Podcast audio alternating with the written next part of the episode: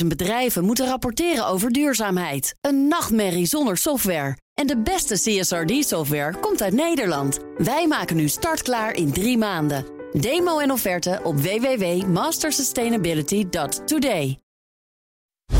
Cryptocast wordt mede mogelijk gemaakt door Bitfavo, de crypto-exchange van Nederland.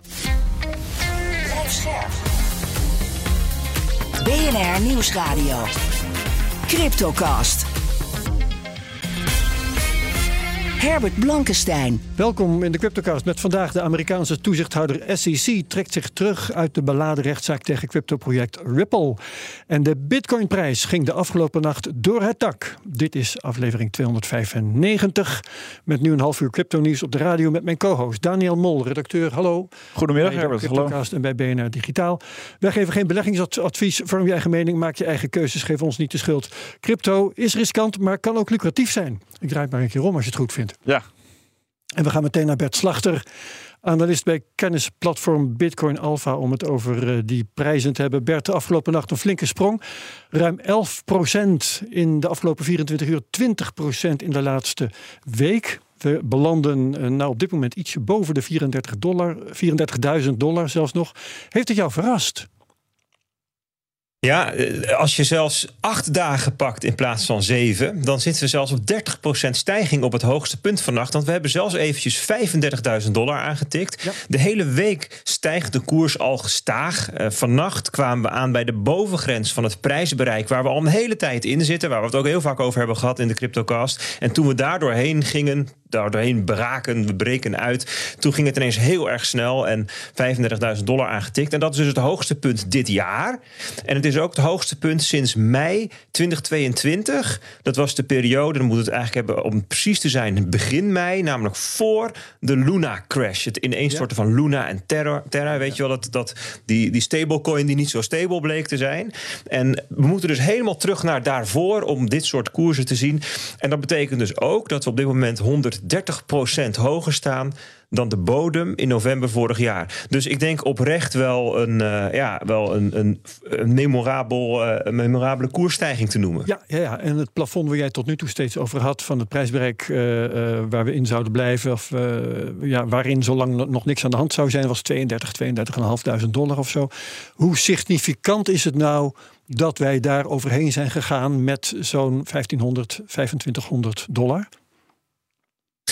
Ja, dus zo'n zo'n zeven maanden zaten we in dat prijsbereik. We kwamen daarin uh, in, in maart dit jaar. Toen er onrust was over Silicon Valley Bank en alle andere uh, regionale banken in de VS. Toen steeg uh, goud en bitcoin samen heel erg snel. En bitcoin ging toen dat prijsbereik in, hè, boven de 25.000 dollar. En tussen de 25 en de 32.000 dollar zaten we zeven maanden, zeven en halve maand.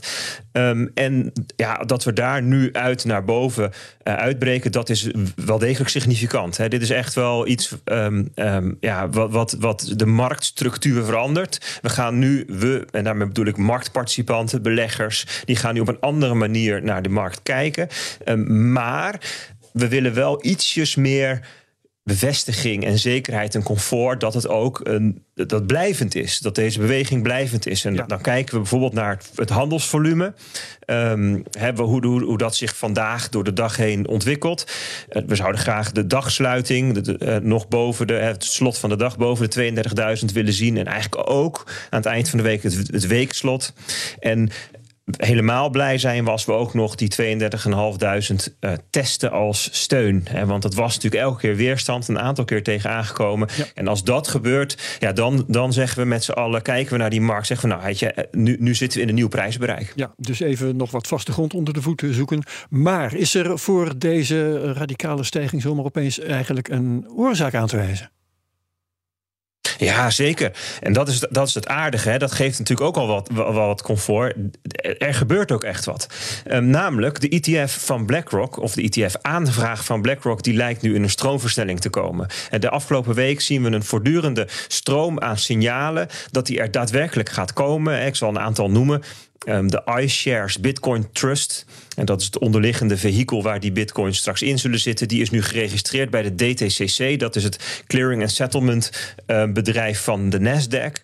Um, de ETF heeft een een QSIP-nummer gekregen. Dat is een nummer waarmee financiële instrumenten worden geïdentificeerd in de VS. Hij heeft een ticker gekregen, zo'n symbool. Dat wordt IBTC. Ja. Um, is, heeft hij toege, toegewezen gekregen.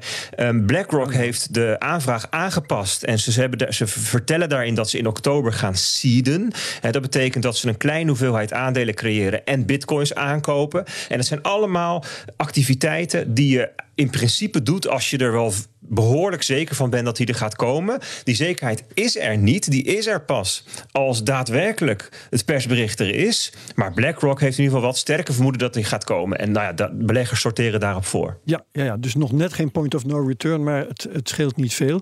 Um, maar kan het dan even goed nog zijn, by the rumor, sell the news, dat als het straks vaststaat dat de koersen toch weer een stuk inleveren? Ja, dat kan zeker. En dan is het helemaal niet gek om even terug te kijken naar vorige week maandag. Hè, toen Cointelegraph kwam met dat bericht um, op Twitter. Breaking, de SEC keurt de iShares Bitcoin ETF goed. En dat bleek achteraf nepnieuws te zijn. Hè. We kwamen na een minuut of drie, vier achter. Het was een hele korte periode eigenlijk maar dat de markt aan het uitzoeken was. Klopt dit? Is het waar? En in, in, in die paar minuten steeg de koers al een paar duizend dollar. Dus je zag daaraan, het signaal daarvan was wel... Um, de markt is gretig hè, om um, eigenlijk bij elk eerste signaaltje dat het misschien zo is, al te kopen. Bloomberg Crypto die schreef zelfs de sprong naar 30.000 dollar geeft handelaars het draaiboek voor de ETF-lancering. Nou, dat is eigenlijk en daarmee, ja, daarmee eh, door dat te zeggen, eh, veroorzaak je het min of meer. Hè? Dus ja, er is absoluut sprake van um, beleggers of speculanten die, die, die, die ja, soort van willen vooruit willen lopen op de feitelijke goedkeuring. En nu is het natuurlijk de vraag. Als, we straks, als er straks daadwerkelijk zo'n ETF komt, zullen er twee krachten zijn. Er zullen speculanten zijn die daadwerkelijk gaan verkopen, sell the news. Ja. Um, en er zullen ook beleggers zijn van buiten crypto die ineens nu ja, die, die ETF gaan gebruiken. En de vraag is, hoe zal de balans tussen die twee zijn? Precies. Dat zal bepalen of het een buy the, buy the news of een sell the news event zal zijn. Ja, uh, intussen stijgt goud ook. Daar eh, komen we niet zo heel vaak over te spreken in de CryptoCast. Um, maar het is ook wel interessant, hè, omdat Bitcoin digitaal goud wordt genoemd. Um, in hoeverre is er op dit moment nog een correlatie tussen die twee? Ja, correlatie is natuurlijk een, een, een woord met een hele specifieke betekenis. Uh, econometrisch gezien. Hè? Dus je, je kunt dat kwantificeren. Um, ja, dat kun je op verschillende manieren doen. En dan afhankelijk van hoe je dat doet, is er meer of minder correlatie. Ik denk dat het interessanter is nu om het, om het ook te hebben over wat voor soort um, narratieven drijven goud en bitcoin. En daarin zien we dat. Um, uh, de afgelopen jaar die meer in elkaars verlengde zijn komen te liggen. Ik noemde net al de situatie in maart met in de banken, de onrust over de banken, zal ik maar zeggen. En um, um, we zien ja, dat, dat, dat het narratief van Bitcoin als het digitale goud, als een, uh, een ongecorreleerde asset, als een, een beleggingscategorie die niet afhankelijk is van een bepaald land of van, van financiële instellingen, van een bank, hè, van het banksysteem. Um, dat hij het goed zou kunnen doen in een situatie dat er minder vertrouwen is in de wereld, uh, deglobalisering, uh, de overstap van, van Amerika als leidende kracht naar een multipolaire wereld. Dat je dat soort verhaallijnen, die, die gelden voor goud en voor bitcoin. En ja, ik krijg toch wel het idee dat dat ook steeds meer grip en tractie krijgt onder beleggers die ja, um, toch best een voor een lastige situatie nu staan van hoe ze hun, hun portefeuille inrichten. En want eh, na deze stijging is de situatie nu zo dat, um, dat, dat Amerikaanse staatsobligaties dieper in het rood staan, dieper in de min staan ten opzichte van hun hoogtepunt in 2020 dan Bitcoin. Bitcoin oh, ja. heeft gewoon meer als je, eh, ten opzichte van de top. Dus, dus zeg maar, de, de meest stabiele, meest betrouwbare, meest veilige beleggingscategorie staat er nu slechter voor dan Bitcoin als je rekent vanaf de top in 2020, 2021. Ja. En dat, dat zijn natuurlijk, ik bedoel, dus maar even een even één klein voorbeeldje, maar dat is wel een soort de situa beschrijft de situatie dat het op dit moment voor ja, beleggers en vermogens dus helemaal niet zo vanzelfsprekend is. Hoe bouw je nou zo'n portefeuille op? Ja, en goud en bitcoin lijken daar wel van te profiteren. Ja, nog maar even ter afronding. Um, hebben we nog bekendmakingen de komende week waar we op moeten letten? Nou, ik denk dat voor, voor, voor Bitcoin en voor crypto eigenlijk alles rondom die ETF's een, met, met, met grote afstand de belangrijkste kracht zal zijn. En dus macro-economisch zijn er ongetwijfeld dingen die, die, die ehm, ehm, op de agenda staan. Maar ik denk dat alle ogen nu gericht zijn op ja, elk nieuwsfeitje vanuit de SEC of vanuit BlackRock of vanuit Grayscale, hè, want dat loopt ook nog. Um, en dat heeft allemaal te maken met de goedkeuring van die ETF's. en zijn er wat dat betreft data eigenlijk die we in de gaten moeten houden? Ik geloof dat ARC geprogrammeerd staat voor uh, nou ja, uiterlijk begin januari, maar uh, nog data dichterbij die belangrijk zijn?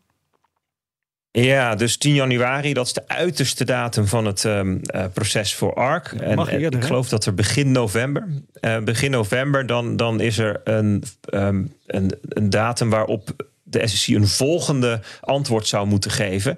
En ik weet niet precies welke wat de datum was. Ik meen iets van 10 november. Okay. Um, maar de verwachting is dat zij voor die tijd uh, duidelijkheid willen geven of die in deze ronde wel of niet goedgekeurd gaat worden. Ja, dus ja. echt, het is echt een kwestie van in de komende twee weken dat we hier meer van weten. Spannend en inderdaad, uh, twee weken zijn zo om wat dat betreft. Dank Bert Slachter, analist bij kennisplatform Bitcoin Alpha. We gaan hier in de studio verder. Daniel Mol en ik, uh, de toezichthouder SEC, hadden we het al over, trekt zich nu terug uit uh, een andere rechtszaak tegen Ripple-oprichters Brad Garlinghouse en Chris Larsen. Want die twee werden persoonlijk aangeklaagd voor de verkoop van illegale effecten. Te weten, uh, token XRP. Daniel, we hebben het er al een tijdje niet meer over gehad. Vat nog eens even samen waar dit allemaal over ging. Nou, de SEC en de Ripple die liggen eigenlijk al sinds 2020 met elkaar in de clinch. En dat gaat inderdaad, de, de, de centrale vraag is, is Ripple is de XRP-token een effect, een security. Ja. Want als dat wel zo is, dan, dan zijn er allerlei andere regels die gaan gelden. Uh, dan als dat niet zo is. En zijn ze illegaal bezig geweest. Precies. Ja. Um, nou, welke, wat we, het nieuws wat we nu hebben is dat, een, uh, dat de oprichters, dus die Brad Garlinghouse en Chris Larsen, die, zeg maar, die waren onderdeel van de rechtszaak die de SEC voerde tegen Ripple als, als oprichters. En zij zeiden 1,3 miljard dollar hebben opgehaald met, het uit, met de uitgave van die XRP-token. Zijn schat helemaal rijk geworden daarmee. En nu zegt de SEC eigenlijk, joh, deze zaak laten we varen. Um, en dat heeft eigenlijk alles te maken met, een, uh, recht, met, met de uitspraak die de SEC eerder te horen kreeg van de rechter. Want Namelijk dat uh, RIP of de, de XRP-token um, wel een security was bij het verkopen aan zakelijke klanten, maar niet aan het verkopen via exchanges aan particulieren. Ja, en ongeveer op per definitie kon, kon, niet worden vastgesteld dat XRP een security was. Eigenlijk deels een security. Um, dat was een uitspraak die we inderdaad deze zomer kregen. En dat was best, best controversieel. Dat, daar werd best van geschrokken. Eigenlijk, nou ja, Ripple vreemde het als een overwinning in die rechtszaak. Mm Um, dus in die zin kan je dan ook niet zeggen: oké, de oprichters van Ripple hebben 1,3 miljard opgehaald met de verkoop van illegale effecten. Want dat kunnen we dus niet zeggen.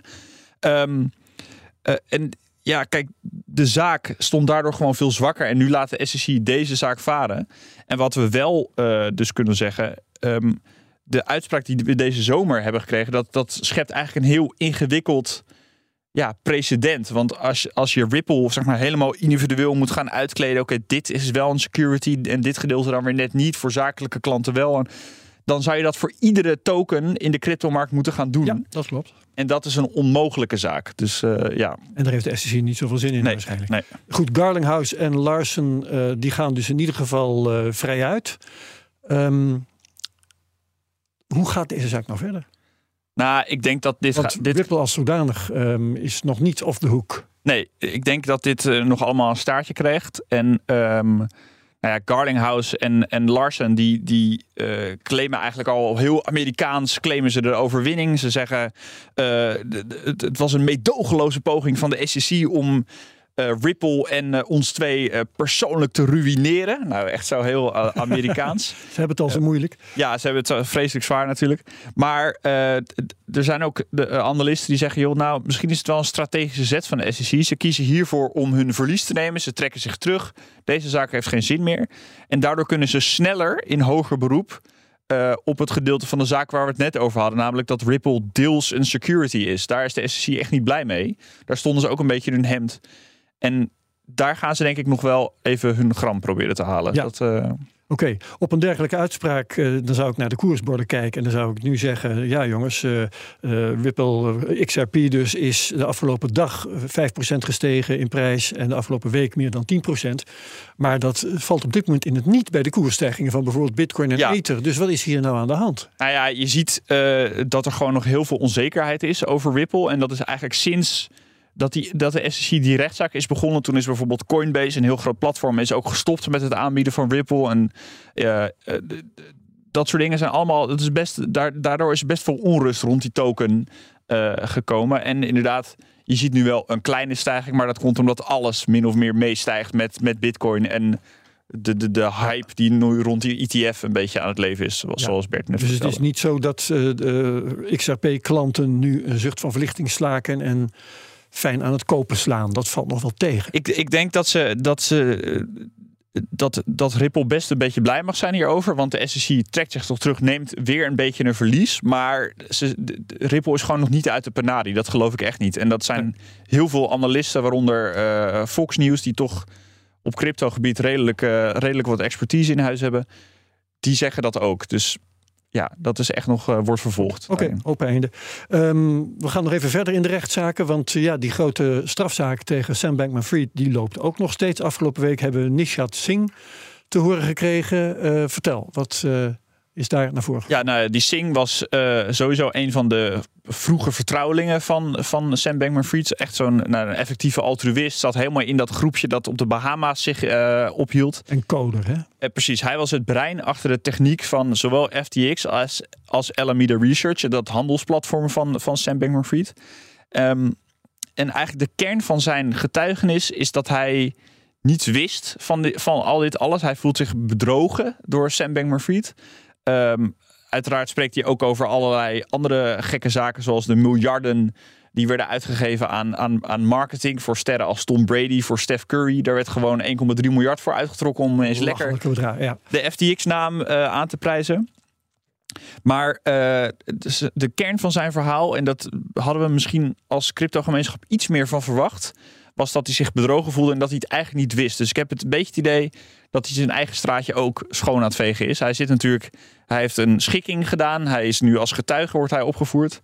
Alleen ja, er zijn toch aardig wat, eh, wat strafeisen ook tegen hem. En hij was het brein achter de, technieken achter dit alles. Ja, ik geloof dat hij het, uh, maximaal 75 jaar gevangenis ja. tegemoet kan zien. Of ja, omtrent. en, en ik bedoel, dat, dat zou hij vast niet gaan halen. Net zoals Sam Bankman-Fried 110 jaar de gevangenis in kan gaan. Ja. Nee, maar hij heeft ook een, uh, een deal met justitie. Hè? Dus Precies. als hij hun verhaal maar vertelt, en dat doet hij.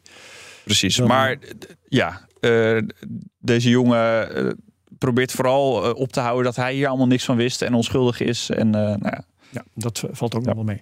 Dan hadden we een professor Peter Easton, uh, professor, professor, in accounting, als ik me niet vergis. Uh, die mocht ook een verhaal vertellen. Ja, en toen werd het pas echt spannend. Want uh, dit is helemaal, dit, heeft, dit is geen vriend van Sam Bankman-Fried, geen kroongetuige.